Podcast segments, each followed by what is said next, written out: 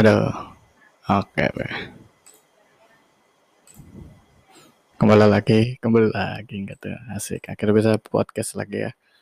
Dan seperti biasa ya, gue akan membahas hal-hal yang sedang sedang terjadi. Waduh, dilema di negara kita tercinta. Aduh, negaranya apa nih? Indonesia.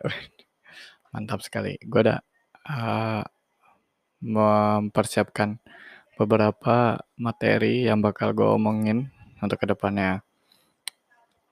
Gue akan membahas tentang saya oke, okay, gue podcast tanggal 17 Maret 2020 dan ya Indonesia lagi sedang gencar-gencarnya asik uh, fight atau melawan ya kan menghadapi virus corona ya atau bisa disebut COVID-19 ya seperti itulah. Kenapa ini virus disakut ditakutin banget gitu ya?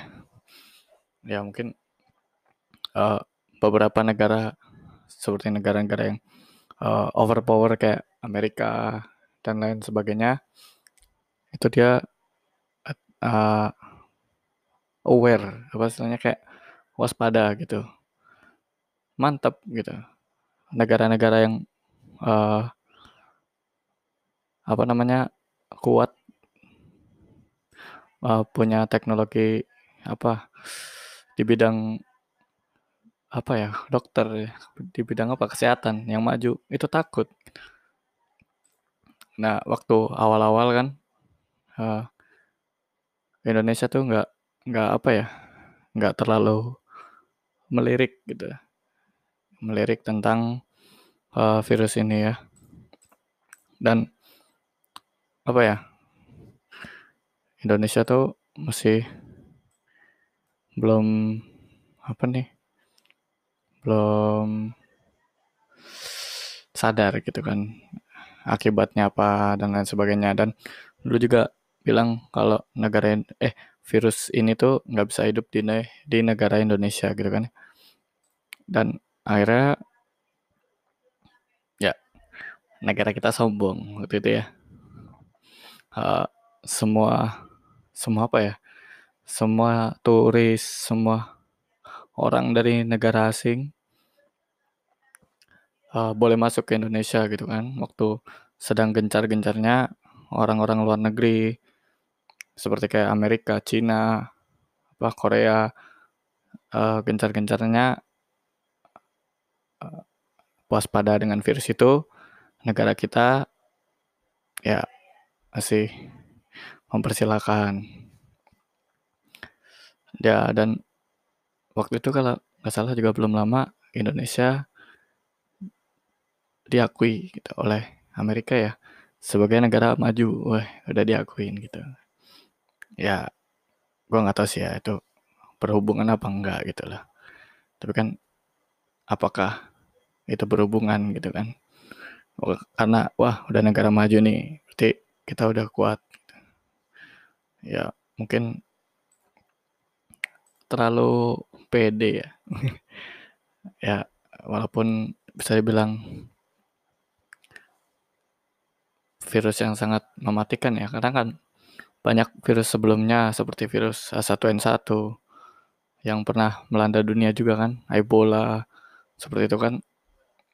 Yang virus yang dunia itu juga melirik gitu ya. Apa ya negara-negara besar di dunia apa ya kayak memberikan perhatian lebih gitu. Dan ya paling sedikit aneh ini aneh ya virus covid covid ini ya. Karena waktu pertama-tama Indonesia tuh kayak uh, dari pemerintahnya pun masih support gitu. Support dari negara-negara lain entah masuk uh, turis asing terus masuk apa ya istilah persediaan yang lain yang lain-lain. Terus kan uh, masyarakatnya Indonesia juga kan ya tahu begitulah ya. Uh, ada yang buat prank kalau nggak salah dulu ya prank virus corona di Indonesia kan. Waktu itu kan emang negara kita belum terkena gitu ya. Ada yang buat prank, ada yang ya masih bisa ketawa-tawa ya dengan uh, suatu virus yang istilahnya kalau bisa dibilang itu berbahaya ya. Uh, dan selain itu kan kan sekarang saat uh, udah mulai-mulai masuk ke Indonesia gitu kan penyebabnya ya mungkin ada beberapa orang asing yang masuk gitu kan. Terus ya orang kita entah berinteraksi secara tidak langsung ataupun langsung terkena dampaknya gitu kan. Ya sampai Kemenhub ya Menteri Perhubungan. Menteri Perhubungan Indonesia ya sangat disayangkan ya terkena juga. Padahal ya ekonomi Indonesia pada saat itu kan pada saat kemarin ya dolar itu kan turun ya sempat turun ke hampir 13.000 ya apakah bisa turun kurang karena kalau menurut gue ya itu karena Indonesia tuh negara yang belum terkena itu ya apa virus covid itu jadi ekonominya membaik dan segala macam membaik. Tapi saat kita ada di atas, kadang-kadang kita meremehkan atau lupa yang ada di bawah gitu. Dan kita juga kayak apa ya kurang waspada gitu ya. Ya kayak sekarang kan bagi kalian ya, yang kalian sekolah, yang kalian apa ya kuliah atau kerja mungkin ada beberapa yang diliburkan gitu kan. Dua minggu itu kan lumayan. Waktu libur dua minggu kan. Libur dua minggu dari tanggal 16 ya. Kalau anak sekolah libur dua minggu. Terus uh, pemerintah kan membuat kayak surat gitu ya. Deklarasi bahwa kegiatan belajar mengajar diadakan di rumah gitu kan. Dan yang kerja juga kan ada beberapa mungkin ya. Dan menurut gua antisipasi sebenarnya tindakan awal karena kan kalau virus kan uh, menularkan dari interaksi gitu ya dari kita bersentuhan atau mungkin berdekatan pun sepertinya bisa kena gitu ya. Karena emang corona itu katanya uh, antara orang yang satu dan yang lainnya tidak boleh punya jarak yang terlalu dekat gitu kan. Terus kan uh,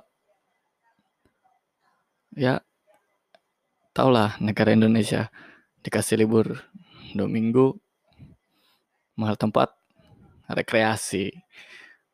Pemerintah tuh kayak uh, memberikan ruang gitu loh untuk masyarakatnya biar masyarakatnya tuh bisa mengenal lebih dalam dan bisa syukur-syukur ya bisa mengantisipasi gitu loh. Ya walaupun nanti apa ya ada beberapa yang mungkin sudah kena gitu kan tapi kan untuk waktu senggangnya itu kan dia dimanfaatkan lah tahu kan kalau virus corona itu nggak boleh sering sering-sering kumpul dengan orang-orang banyak. Tapi orang Indonesia kayak ah udah gue pengen jalan-jalan dua minggu lumayan ke tempat liburan gitu. Ya iya kalau gue sih liburan itu kan hal apa ya kayak masing-masing orang gitulah istilahnya suka-suka dia lah mau liburan ke mana juga kan. Tapi kan uh, pemerintah itu kan memberikan dua minggu libur buat uh, kita tuh waspada gitu loh jangan sering-sering keluar atau jaga lebih jaga kesehatan lah jaga kesehatan dari diri sendiri dulu dari sendiri diri sendiri dulu gitu. Takutnya uh, apa ya kita memperburuk situasi gitu kan. Malah kalau orang Indonesia ya ya tahu lah. Malah diajak piknik jalan-jalan pulang kampung gitu kan. Ya ya mungkin apa ya hidup di kota-kota besar di Indonesia itu kan mungkin kalian yang pendengar gue nih yang kerja gitu jarang dapat libur. Sekali dapat libur ya dimanfaatkan dengan keluarga gitu kan keluarga besar gitu ya. Ya oke-oke aja gitu kan, cuma kan posisi dan situasinya itu kan jadi nggak nggak pas gitu loh. Pada saat dunia masih uh, berkutik dengan melawan corona, nah orang Indonesia tuh kayak, oh ya gue pengen jalan-jalan liburan, ya nggak salah sih sebenarnya. Cuma kan pemerintah kan memberikan libur bukan buat kalian atau orang-orang itu pada uh, rekreasi atau kumpul sama keluarga. Tapi kan lebih ke uh, biar kalian tuh bisa menambah informasi gitu. Kan internet sekarang banyak gitu ya.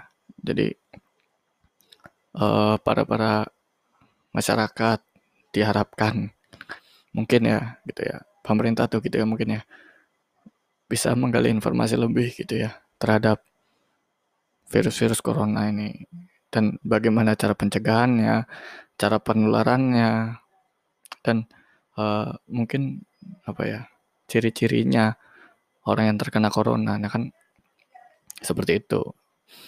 Ya masyarakat mungkin ada beberapa yang paham dan mungkin ada beberapa yang belum paham seperti itu kan. Karena emang pemerintah itu kan cuma bisa gini bilang ya. Uh, diberikan surat edaran untuk uh, mengadakan uh, kerja atau sekolah di rumah gitu kan. Jangan sering-sering berkumpul karena ditakutkan uh, virus corona dapat menyebar. Ya, tapi malah dibuat rekreasi. malah di, malah buat kumpul orang-orang banyak ya kan gitu kan. Jadinya ya ya dibilang siapa yang salah ya? Pokoknya semua salah lah gitu. Karena emang uh, menurut gue itu tuh dari kesadaran aja. Kesadaran masyarakatnya dulu aja gitu kan. Nanti kalau udah kena gitu kan. Ya kan kalau orang kena kan nggak sadar ya kan. Dia tiba-tiba kok difonis gitu. Disuspek. Jadi apa penderita corona gitu kan. Nah, masyarakat kan bisanya cuma gini loh saya kok tiba-tiba bisa kena, kena corona pemerintah nggak becus gitu kan. Ya istilahnya kalau dilihat-lihat yang lainnya gitu. Ya mungkin kalau kalau kena gitu kan ya kita harus sering-sering edukasi lah. Terus tentang banyak orang yang malu gitu ya pada saat dia menjadi pasien atau penderita uh, virus COVID ini kan. Terus banyak orang yang ngomong kok pemerintah kurang ngasih edukasi, kurang ngasih fasilitas. Padahal ya, ya gue bukan orang pro pemerintah gitu, tapi kan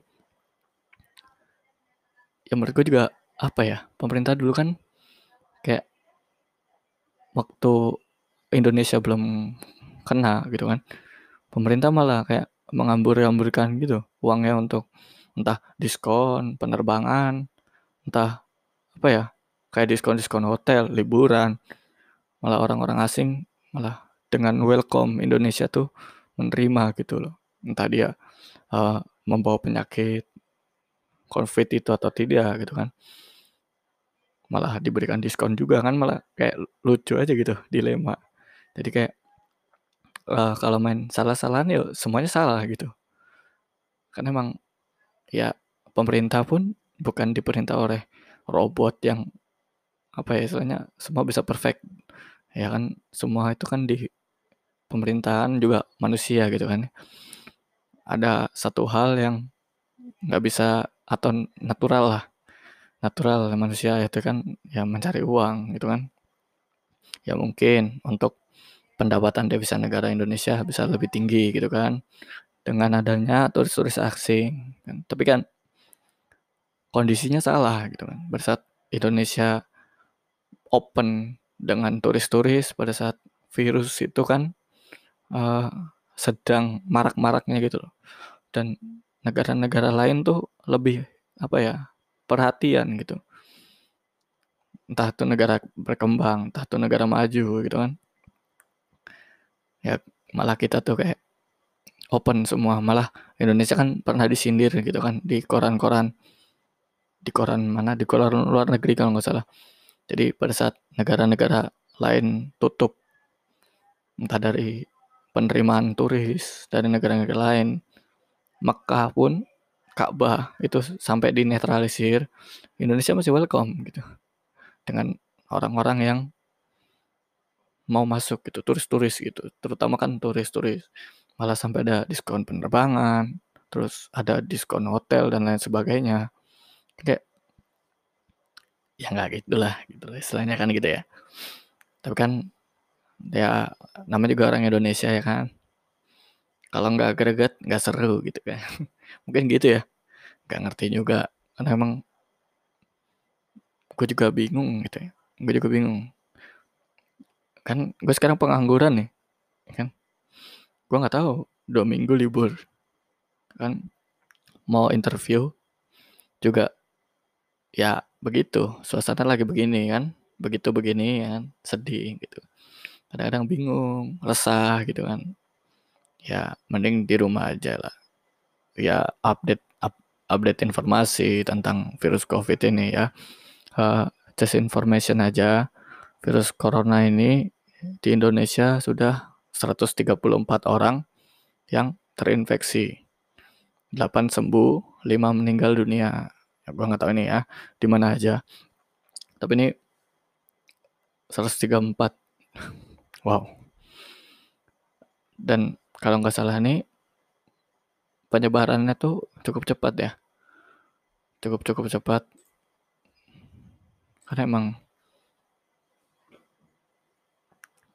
uh, karena beberapa hari sebelumnya kayaknya uh, hanya belasan atau puluhan gitu beberapa minggu lah hanya puluhan dan sekarang udah sampai 100 ya dan mungkin gini ada orang yang sembuh gitu kan. Katanya pasien yang 01 02 03 sudah sembuh gitu kan. Ini ada beritanya ada sembuh. Dari infeksi virus corona. Dan ada lima yang meninggal dunia gitu kan. Dan istilahnya uh, sembuh ini kan apakah dia tidak bisa terinfeksi lagi atau enggak gitu kan. Tapi kan tetap kalau bilang bisa sembuh itu kan berbagai faktor ya. Misalkan mungkin karena uh, daya tahan dia kuat gitu kan bisa sembuh atau mungkin karena emang ada apa ya apa uh, pengobatan gitu ya pengobatan yang pembantu imun gitu ya. Bantu imun kan kadang-kadang kalau manusia lemah dibantu obat-obatan yang uh, menambah imun kan biasanya imunnya juga bisa jadi ku lebih kuat gitu. 8 sembuh 5 meninggal dunia. Di sini hanya di di apa ya disebutkan jumlahnya gitu kan. Untuk secara rinci 17 pasien. Oh ini pelonjakan dari hari kemarin dan sekarang bertambah 17 orang gitu kan. ya pokoknya stay safe lah. Jangan lupa jaga kesehatan gitu kan. Karena emang dulu kita bisa tertawa-tawa gitu ya. Negara-negara lain kena kita bisa masih tertawa-tawa gitu kan. Malah dibuat prank gitu kan. Ya akhirnya kena sendiri juga kan gitu kan. Karena emang ya dari jalan masuknya virus itu aja sudah kayak disupport gitu loh. Dari turis asing yang boleh masuk gitu ke Indonesia kan udah kayak support support kayak support aja gitu. Nggak aware gitu nggak terlalu memperhatikan gitu terus uh, banyak kayak tempat-tempat uh, dilakukan lockdown. Lockdown itu kayak mungkin apa ya? Lockdown itu tuh kayak mungkin uh, diisolasi gitu ya. Ya sebenarnya gimana ya? Nek siswa atau pelajar mahasiswa suruh belajar di rumah dikasih tugas itu apa ya? Pendapat apa ilmunya itu kan beda. Saat dia tuh di sekolah atau di kampus. Dan ya keterbatasannya juga masih banyak ya karena Indonesia kan belum terlalu melek sama seperti itu kan. Untuk sekolah online dan lain-lain gitu kan. Takutnya uh, pemerintah Jokowi ini kan larang dilarang daerah untuk melakukan lockdown gitu kan. Tapi uh, gimana ya? Menyarankan untuk mengurangi mobilitas orang, menjaga jarak, dan mengurangi kerumunan. Tapi kan gimana ya, saat lu di kampus, lu di sekolah gitu kan, pasti lu ngobrol sama temen atau udah ngobrol sama guru, sama satu kelas lah kan gak mungkin ada jarak yang terlalu jauh gitu kan. Ada yang satu kelas 50 orang, lu gue SD satu kelas 50 orang itu desek-desekan ya desek-desekan lumayan gitu. dan di kota-kota metropolitan gitu kan kerumunan itu bukan jadi pemandangan yang aneh kerumunan itu menjadi pemandangan yang biasa gitu bagi orang-orang kan kalau kota rame atau apalagi ibu kota ya orang banyak yang beraktivitas gitu kan ya. Banyak yang berkerumun, entah berkerumun dalam hal sengaja atau tidak disengaja kan. Kalau sengaja kan kita berkerumun dalam suatu komunitas tertentu dan uh, kita sedang membahas sesuatu gitu. Kalau tidak sengaja mungkin kita berkerumun dalam kayak kereta gitu gitu kan. Ya emang harus seperti itu gitu kan. Karena emang ruang kereta kan sempit kalau orangnya banyak kan juga kasihan gitu kan. Ya seperti itu. Dan itu juga nggak bisa dihindarin gitu ya. Untuk yang kerumunan seperti itu. Terus lagi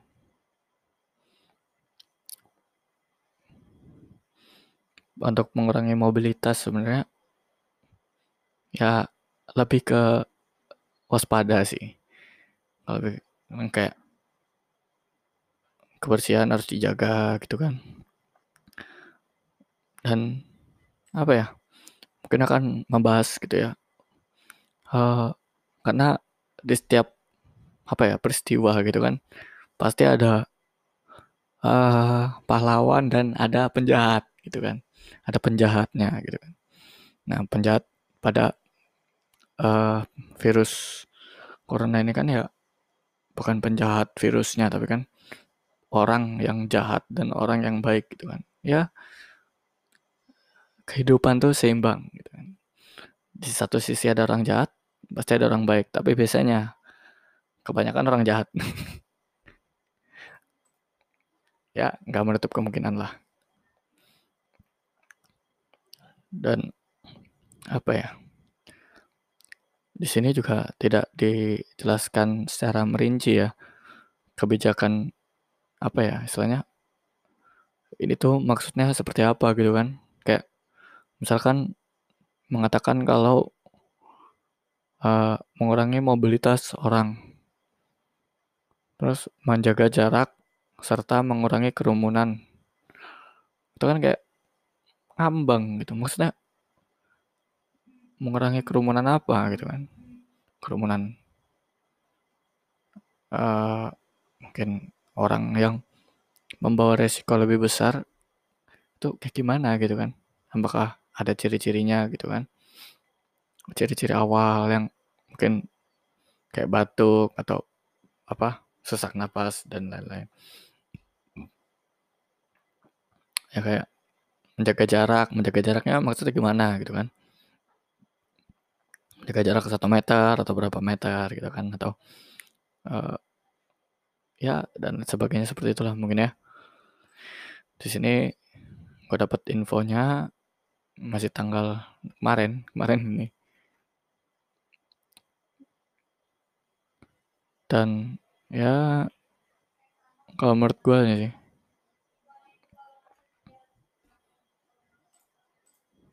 kalau dibilang Indonesia udah siap atau belum ya harus disiapin gitu.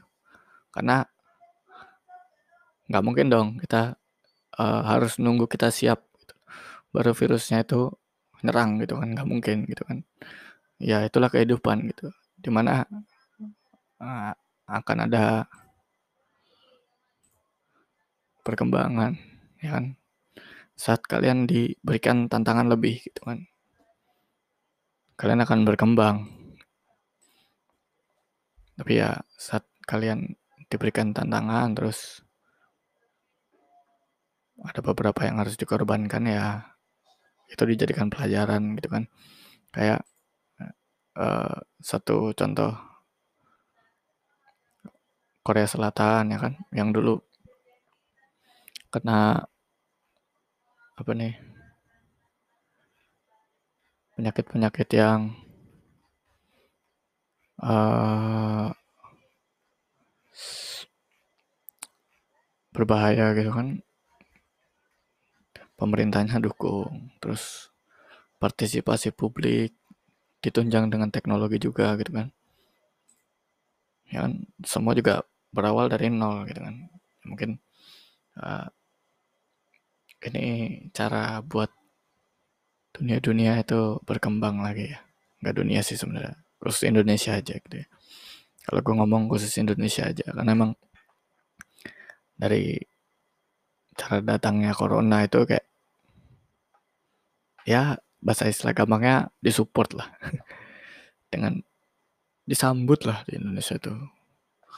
Ya jadi kayak gitu gitu tuh harus pemerintahnya sadar masyarakatnya juga harus sadar ya karena kayak kalau saling menyalahkan tuh kayak nggak ada jalan keluarnya gitu.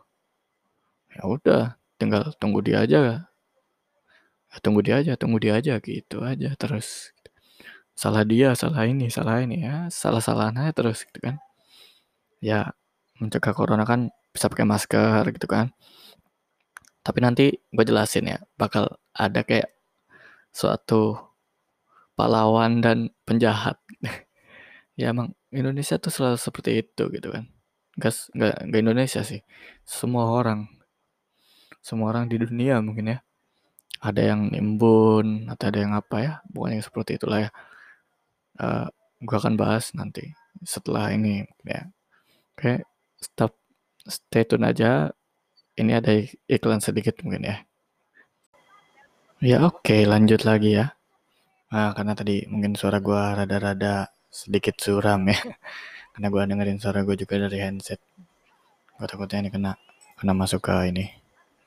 Nah jadi gue akan membahas tentang ada penjahat dan ada pahlawan ya dalam kasus virus corona ini ya. Penjahat yang dimaksud tuh bukan orang-orang yang kayak pencuri, pembunuh, ya kan? Itu udah pasti orang jahat ya, tapi kan ada orang-orang jahat baru gitu. Orang-orang jahat kategori baru gitu kan. Jadi yang pertama itu adalah orang-orang yang menimbun masker gitu kan. Yang di Indonesia sih di semua apa ya? Di semua negara pun ada gitu orang seperti itu ya jadi ya diwajarkan itu kan ada yang orang yang menimbun masker waktu gue lihat ada ber, pernah ber, baca berita di luar negeri gitu kan ada orang nimbun masker berapa berapa pak gitu, berapa ratus pak. Satu supermarket habis sama dia. Terus di banning di banned sama AliExpress sama apa gitu pokoknya. Di banned sama situs online di luar negeri. Dan kalau di Indonesia orang nimbun masker gitu kan. Orang nimbun masker nggak buat dia sendiri, buat dijual lagi. Dijual lagi dengan harga yang bah fantastis. Satu box lima ratus ribu, satu juta dan lain sebagainya gitu kan. Masker-masker yang bagus gitu was bisa 2 juta ya kan gitu kan. Dengan kayak istilahnya bener-bener kayak seleksi alam banget gitu ya. Di saat orang-orang butuh gitu kan, butuh itu gitu kan ya seleksi alam banget lah pokoknya kejam kayaknya dunia itu kejam Dia kayak kamu miskin, kamu mati gitu, nggak guna gitu kan, suram gitu, sedih gitu kan.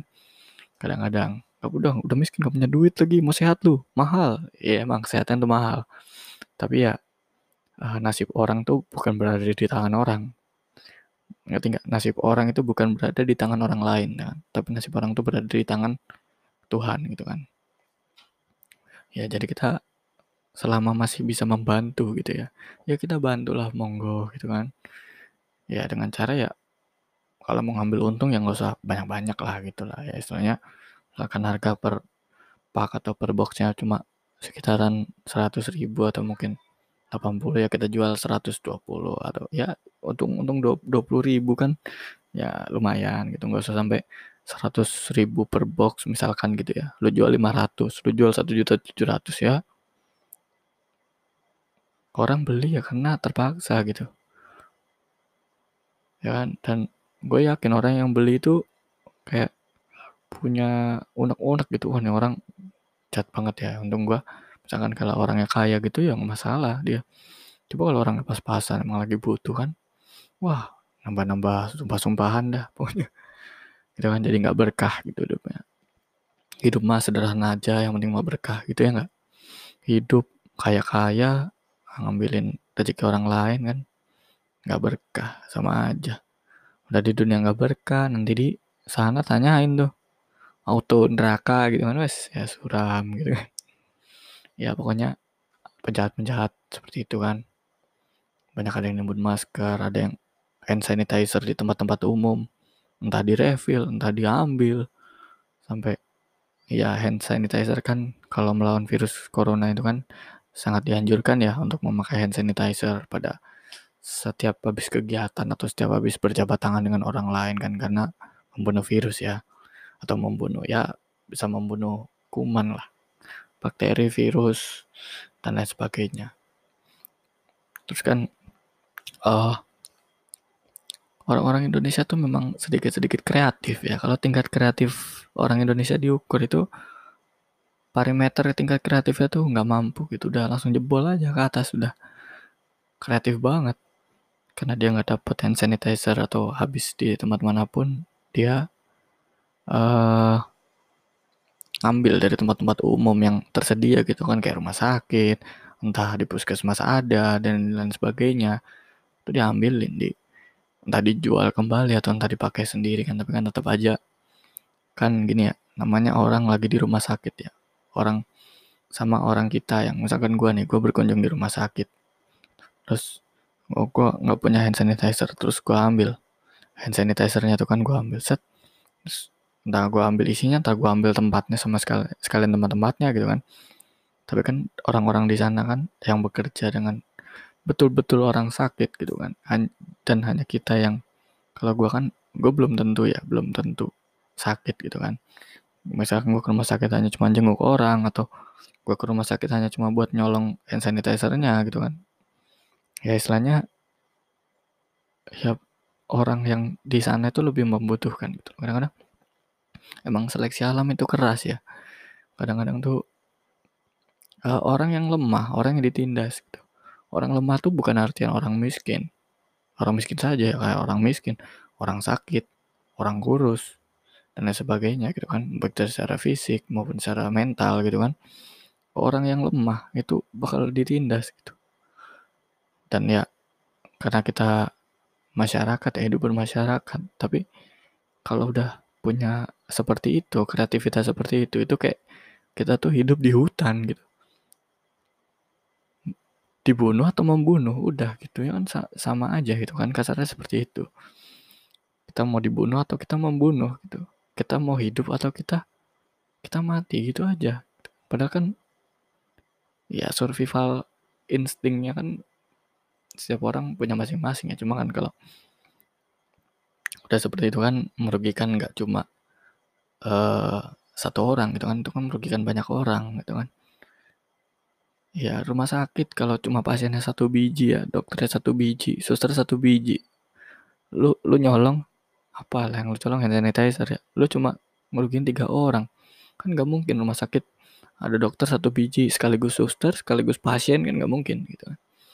Jadi kan ya karena mungkin Indonesia udah terlalu wah kreatifnya tuh udah tinggi banget pokoknya gitu lah. Pokoknya uh, bagaimana pun caranya gue juga harus bisa ngikutin sesuai dengan anjuran yang dianjurkan gitu hand sanitizer pakai masker pakai semua segala macam pakai biar biar terhindar gitu ya. Dan cara seperti itu juga boleh sebenarnya kan cara yang dianjurkan itu sangat-sangat boleh. Cuma kan tidak dengan cara yang berlebihan gitu ya. Tidak harus mengorbankan uh, kesehatan orang lain gitu. Karena di sana kan dokter suster yang pakai-pakai gitu kan. Pakai hand sanitizer ya bukan pakai pakai ya pokoknya gitulah. Yang pakai hand sanitizer itu kan untuk biar dia steril gitu. Biar kuman kan gini ya orang sakit. Kalau ditangani dengan orang yang steril apalagi ahli ahlinya itu kan orang yang steril itu kan misalkan dokternya gitu kan dokternya biar terhindar dari penyakit si pasien gitu kan. Bukan malah dokternya menambah penyakit si pasien kan? Karena kalau misalkan nih hand sanitizer hilang dokternya nggak cuci tangan misal, misalkan gitu ya. Atau cuci tangan cuma nggak bersih gitu kan. Ya kumannya itu kan atau bakterinya atau virusnya itu kan nggak cuma dari pasiennya doang. Bisa nular ke dokternya atau dokternya nanti bisa nambahin penyakit si pasiennya ya kan seperti itu. Kadang-kadang tuh orang tuh berpikirannya oh gue pengen juga punya hand sanitizer. Ada di rumah sakit ini. Ambil ambil ambil ambil. Tadi ambil tadi refill tadi apain segala macam lah. Ya seperti itulah penjahat penjahat yang ada di kasus-kasus corona. Sedih kadang-kadang ngeliatnya gitu kan. Penjahat penjahatnya seperti itu ada lagi nih ada kisah pahlawan. Karena gue kan mem memberikan sedikit cerita gitu kan. Karena gue kan nggak mungkin ya istilahnya terus-terus menghujat menghujat gitu. Nggak ada cerita inspiratif gitu kan. Ya kayak sama aja kayak misalkan episode gue yang dulu-dulu yang pernah gue menghujat orang dan sebagainya gitu kan. Ya isinya cuma penghujatan gak ada solusi. Terus ya buat apa gitu? Buat apa? Lu cuma buat jelek-jelekin doang gitu kan istilahnya ya sama gue juga misalkan lu pernah jelek-jelekin orang ya gue juga pernah jelek-jelekin depan orang-orang gitu juga gitu kan. Ya sama lah kita tuh sama ibaratkan satu sama satu udah nggak usah bertarung gak usah berantem gak usah bacot dan lain sebagainya udah. Saat kita pernah di apa ya lakukan sesuatu hal yang buruk oleh orang lain coba kita ngaca kita pernah nggak kayak gitu sama dia? Karena kan nggak mungkin ya nggak ada nggak ada asap kalau ada api ya kan masuk ada api nggak ada asapnya ya kan? Tiba-tiba jadi api aja gitu kan nggak mungkin. Pasti ada asapnya. Entah itu kalian sadar atau tidak gitu kan. Tapi ya kalau gue sih ya kalau ya emang harus seperti itu ya harus seperti itu gitu kan. Karena emang kalau gue orangnya santai dan rileks gitu ya. Santai dan santuy jadinya skui. Santai dan santuy jadinya skui lah pokoknya. Ya kita kan gue akan menceritakan juga tentang ada uh, dulu gue pernah baca chat dari uh, seorang relawan atau seorang kayak dia itu peduli dengan masyarakat membagikan masker gratis untuk para apa ya masyarakat Indonesia buat melawan corona seperti itu ya pencegahan gitu. Jadi ada seorang relawan nih, seorang relawannya uh, anggaplah si A gitu, si A uh, si A mendapatkan pesan dari si B. Nah si B ini dia tuh ingin meminta uh, persediaan masker dari uh, si A, kan si relawannya ini kan, relawannya ini bilang oh ya boleh. Nanti saya uh, kirimkan ke sana kalau misalkan uh, ibunya mau berminat. Tapi saya hanya bisa mengasih maksimal satu orang lima buah masker masker gitu kan masker lagi masker masker gitu kan. Terus ya ibu-ibunya atau si B itu bilang Mbak, saya nggak boleh apa minta satu paket, pokoknya kayak gitulah. Ceritanya intinya seperti itu. Jadi si ibunya itu mau minta satu box apa satu apa gitu. Pokoknya uh, buat dia dan anaknya kata seperti itu kan ada lagi sakit atau apa gitu. Gue lupa pokoknya ceritanya mirip-mirip seperti itu. Terus uh, ya si relawan ini kan bilang merasa iba dan kasihan gitu kan. Oh ya udah bu saya kasih 10 karena ibu dua orang sama anaknya gitu kan. Terus uh, si ibunya bilang nego. Ya kayak nego bareng jual beli gitu. Jadinya ibunya kayak nggak bisa mbak satu box buat saya sama anak saya dan lain sebagainya gitu kan. Oh nggak bisa bu emang karena takutnya kalau ambil ibu ambil banyak nanti takutnya yang lain belum kebagian gitu kan ya sebenarnya relawan ini baik gitu ya. Bukan karena survival gitu. Satu orang lima nggak boleh lebih gitu. Enggak karena emang ya emang karena udah dijatah gitu ya. Tapi kan untuk orangnya kan nggak nggak ditunjuk siapa siapa siapa gitu kan. Tapi kan yang butuh gitu kan. Terus ibunya bilang ya udah mbak nggak apa-apa. Nggak apa-apa saya uh, dikasih berapa. Tapi saya butuh hari ini bisa mbak itu posisi dia WA udah jam kalau nggak salah tuh jam setengah sepuluhan. Setengah sepuluh malam kan. Setengah sepuluh malam uh, ada relawan yang bersedia untuk mengirimkan masker gitu. Terus akhirnya si relawan bilang oh tapi ini udah malam bu. Bagaimana kalau besok aja? Si ibunya nih intinya tuh butuh banget gitu loh. Butuh banget untuk malam itu juga gitu kan. Setengah sepuluh masih chatting-chattingan dan akhirnya uh, mereka berdua itu uh, deal untuk ketemu di suatu tempat. Suatu tempat kayak kalian beli barang COD lah gitu. Suatu tempat dan itu bukan di rumahnya ibunya itu. Jadi dia kayak ketemuan. Terus akhirnya si relawannya itu atau si A dia tuh berusaha gitu. Oke okay lah udah nggak apa-apa dikirimin 10 gitu kan.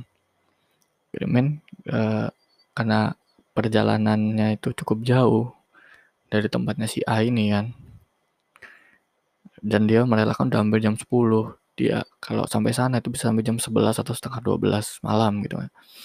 Itu memang ya apalagi kan uh, wanita gitu ya ibu-ibu kan gitu ya guys. Ada ibu-ibu guys gitu. Ya kan?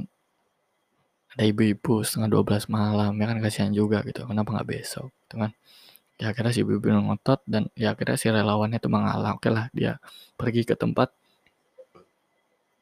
yang dijanjikan si ibu-ibunya gitu kan. Dia pergi setelah nah, satu setengah jam berselang gitu ya. Berselang akhirnya sampailah si relawannya itu di tempat di mana dia janjian gitu kan sama si ibu-ibu gitu kan. Ada ibu-ibu guys. Gitu pokoknya. Terus akhirnya di chat lah ibu-ibunya. Di chat lagi sama si relawannya di chat terus akhirnya si ibu-ibunya ini jam balas kalau maaf mbak saya belum bisa keluar soalnya anak saya lagi sakit atau apa gitu. Alasannya seperti itulah pokoknya. Terus uh, lah terus bagaimana bu? Pokoknya kayak digantungin gitu. Terus bisa nggak mbak kirimin? Jadi si ibu-ibunya tuh pas waktu si relawannya udah ke sana datang bawa maskernya, terus ibu-ibunya masih nego tentang jumlah maskernya itu. Ibu masih masih ngotot minta satu satu box apa ya? Satu pokoknya dia nggak mau itu dikasih 10. Padahal tuh masker udah dikasih gratis dan dia tetap apa ya? Saya ngotot mintanya segitu gitu loh. Aneh gitu. Kan pada saat uh, relawannya tuh udah jelasin berkali-kali bu maaf nggak bisa nih untuk misalkan uh, satu orang tuh satu box. Soalnya persediaan kami juga cukup terbatas kan gitu ya. Dimaklumi banget gitu kan. Karena emang nama juga relawan bagi-bagiin masker yang ada orang-orang bodoh yang jual sampai satu box satu juta tujuh ratus atau lima ratus ribu yang harganya di luar logika ya. Dia bagian secara gratis dianterin pula gitu kan. Ya untuk jumlahnya ya kalau gua pribadi dikasih gratis gitu.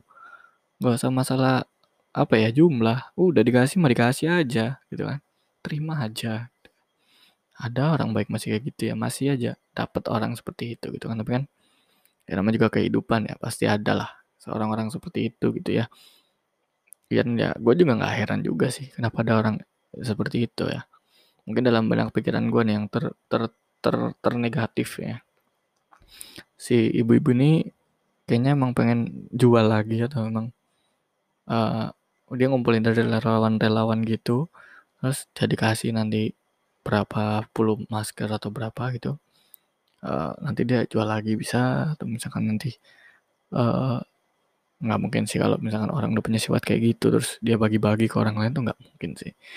Dari caranya minta aja udah nggak mungkin kan gitu.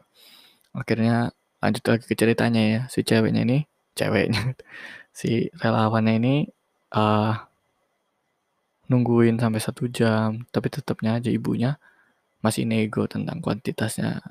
Kuantitasnya itu kan kayak uh, jumlah jumlah maskernya itu terus nggak bisa nggak bisa terus akhirnya beralasan kalau ibu ini nggak bisa keluar keluar dari uh, tempatnya karena sedang menjaga anaknya lagi sakit atau apa gitu terus uh, ya udah saya anterin aja sampai depan rumah ibu ini maskernya tapi saya cuma bisa ngasih 10, 20 10 ya? 10 terus uh, ya udah mbak kalau ngasihnya nggak ikhlas saya mintanya satu box apa gimana gitu. Pokoknya dia bilangnya mbak kalau misalkan jadi apa relawan tuh yang ikhlas mbak kalau misalkan diminta segitu ya dikasih segitu mbak. Masa nawar sih? Kalau ngasih itu kalau berbuat kebaikan tuh yang ikhlas mbak jangan setengah-setengah. Pokoknya gitu udah bilangnya. Aneh gitu kadang-kadang. Gue juga bacanya kayak gue mikir gitu kan ya walaupun gue nggak punya otak nih kan gue mikir mikir mikir ini yang bego siapa sih gua relawannya atau ibu-ibunya atau Kang Somai atau Kang Batagor atau Kang Nasgor gitu. Gue nggak ngerti. Kadang-kadang aneh gitu ya. Cerita-cerita itu kan relawan ada baik gitu yang nganterin jauh-jauh. Allahumma. Nganterin jauh-jauh. Ya kan? Sorry tadi komputernya mati ya, gue panik. udah nganterin jauh-jauh, nggak dihargain. Udah nungguin dari jam berapa ya? Katanya setengah setengah sebelas apa setengah dua belas gitu sampai jam satu ditungguin kira nggak bisa kira relawan di blok lah ya lah bro dalam kasus seperti itu aja masih orang Indonesia aja masih bisa ngeprank itu kan ya secara tidak langsung ya. Itu kan bentuknya ngeprank ya kan? Ngeprank ya kasihan lah dia udah rugi tenaga udah rugi bensin kan? Terus ya capek hati juga ya kan? Ya walaupun cuma sekali digituin ya orang ya. Ya mungkin sekali ya nggak masalah lah sekali. Ya kan? Tapi kalau udah ya capek lah istilahnya kalau jadi seperti itulah ya kita juga kadang-kadang mau berbuat baik tapi kadang-kadangnya orangnya yang ngelunjak gitulah. Dikasih hati minta jantung. Dikasih jantung minta ginjal. Dikasih ginjal minta ROG tuh. Aduh mantep. Dapat ROG boy. Pokoknya ya dalam kasusnya lagi marak-maraknya kasus corona ini kalian jangan sampai ini ya lemah gitu ya imunnya itu. Kesehatannya itu harus tetap dijaga. Walaupun libur kalian di rumah mending uh, kalian di rumah kumpul sama keluarga. Keluarga yang di rumah lah ya nggak harus keluarga besar yang harus kalian nanti pulang kampung dan lain sebagainya loh. Keluarga yang di rumah. Makan makanan yang dimasak sama ibu kalian atau masak sama istri kalian yang udah punya istri ya. Atau pacar kalian. Oh jangan ya. Kalau makan sama pacar di rumah serumah hmm, mantap. Mantap mantap ya pokoknya masak masakan makan makanan masakan uh, ibu kalian atau istri kalian yang benar-benar emang ya ngerti lah kalau misalkan kalau cewek itu lebih apa ya perhatian atau lebih kenceng lah daripada cowok yang kayak gue gue pribadi gue cowok itu kan masih bego gitu ya.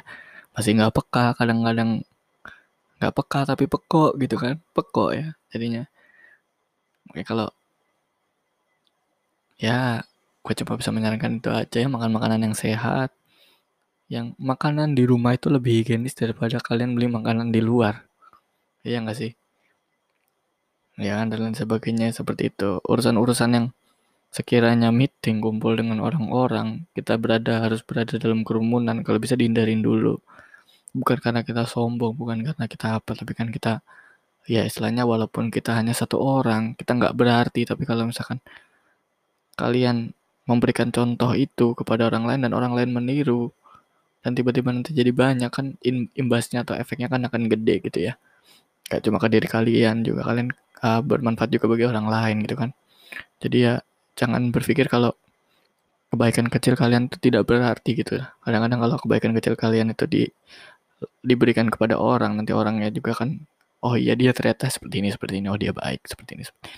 Dia akan coba meniru atau misalkan nanti uh, dia itu akan mencoba uh, untuk ya bisa sebaik lah berusaha menjadi lebih baik lah. Gitu. ya walaupun nggak bisa langsung plang gitu ya menjadi lebih baik tapi kan seenggaknya bisa sadar lah gitu ya. Sedikit sadar karena manusia juga butuh berkembang. Karena kalau manusia nggak berkembang ya nggak hidup. Kalau menurut gue gitu. Manusia dikatakan hidup pada saat manusia itu berkembang atau mengalami perubahan lah oke lah. Nggak usah berkembang penurunan juga. Gue anggap manusia hidup gitu. kadang kalau berkembang harus hidup. Eh hidup itu harus berkembang ya. Kadang kadang juga saatnya ada di atas ada di bawah ya kan. Ada MOT ada WOT ada dan lain sebagainya. Ya pokoknya seperti itulah. Uh, tetap fokus dan waspada dan bagi orang-orang yang uh, menyangkut-nyangkutkan ini dengan pemerintah yang menurut gua ya kalian harus jaga diri kalian dulu sendiri. Nanti kalau misalkan emang ada yang kesalahan juga dari pemerintahnya ya kalian kasih tahu lah ke orang-orang terdekat kalian aja seperti itu ya. Karena emang kita yang bisa lakukan kalau di sosmed itu kan kadang-kadang ada orang yang ngompor-ngomporin gitu ya kalau gua sih udah nggak usah dikompor-komporin. Semua orang punya urusan masing-masing gitu kan.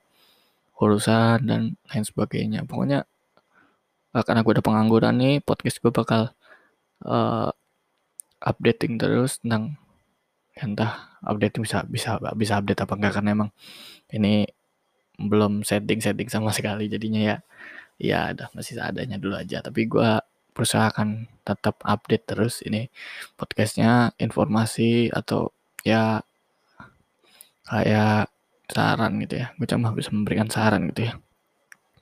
Pada saat kalian menemukan orang baik ya jangan pernah kalian sia-siakan gitu kan.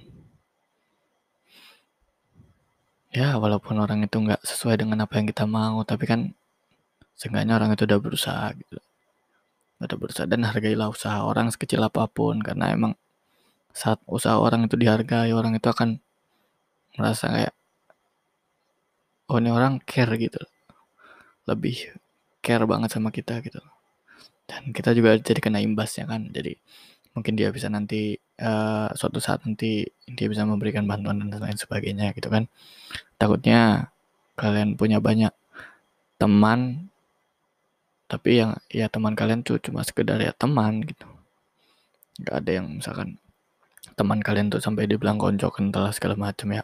Pokoknya uh, milikilah teman sebanyak-banyaknya. Tapi kalau misalkan uh, kalian uh, orang kayak gue nih gue kalau gue sih lebih mirip uh, gue punya empat teman bernilai seratus ribu. Daripada gue punya seratus teman yang bernilai seratus ribu. Jadi ya uh, apa ya? Bukan masalah harga atau harga diri seperti itu bukan.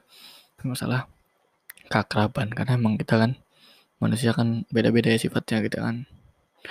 Ya, kadang-kadang ada yang akrab ada yang enggak terus ada yang uh, orang tuh ada yang baik ada yang jahat gitu kan. Yang jahat tuh kan dalam bentuk apa pun yang negatif itu kan jahat gitu kan. Dan kejahatan pun nggak selalu ada kategorinya kan. Kayak menimbun masker waktu saat nggak corona kan buat apa juga nggak ada gunanya kan. Ya, mungkin gitu aja lah. Orang baik oh, orang jahat lahir dari orang baik yang disakiti. Mungkin. Karena gue nggak bisa nggak bisa mengimplementasikan seperti itu mengimplement mengimplementasikan dalam kehidupan sehari-hari itu contohnya gue nggak ada gitu ya. mungkin itu aja so, podcast sopcast sopcast gitu podcast dari gue mungkin uh, ini cuma murni podcast jadi mungkin nanti kalian mau request bahas apa atau ngomongin apa atau tentang kehidupan gue yang lampau-lampau asik Asyuram, jangan.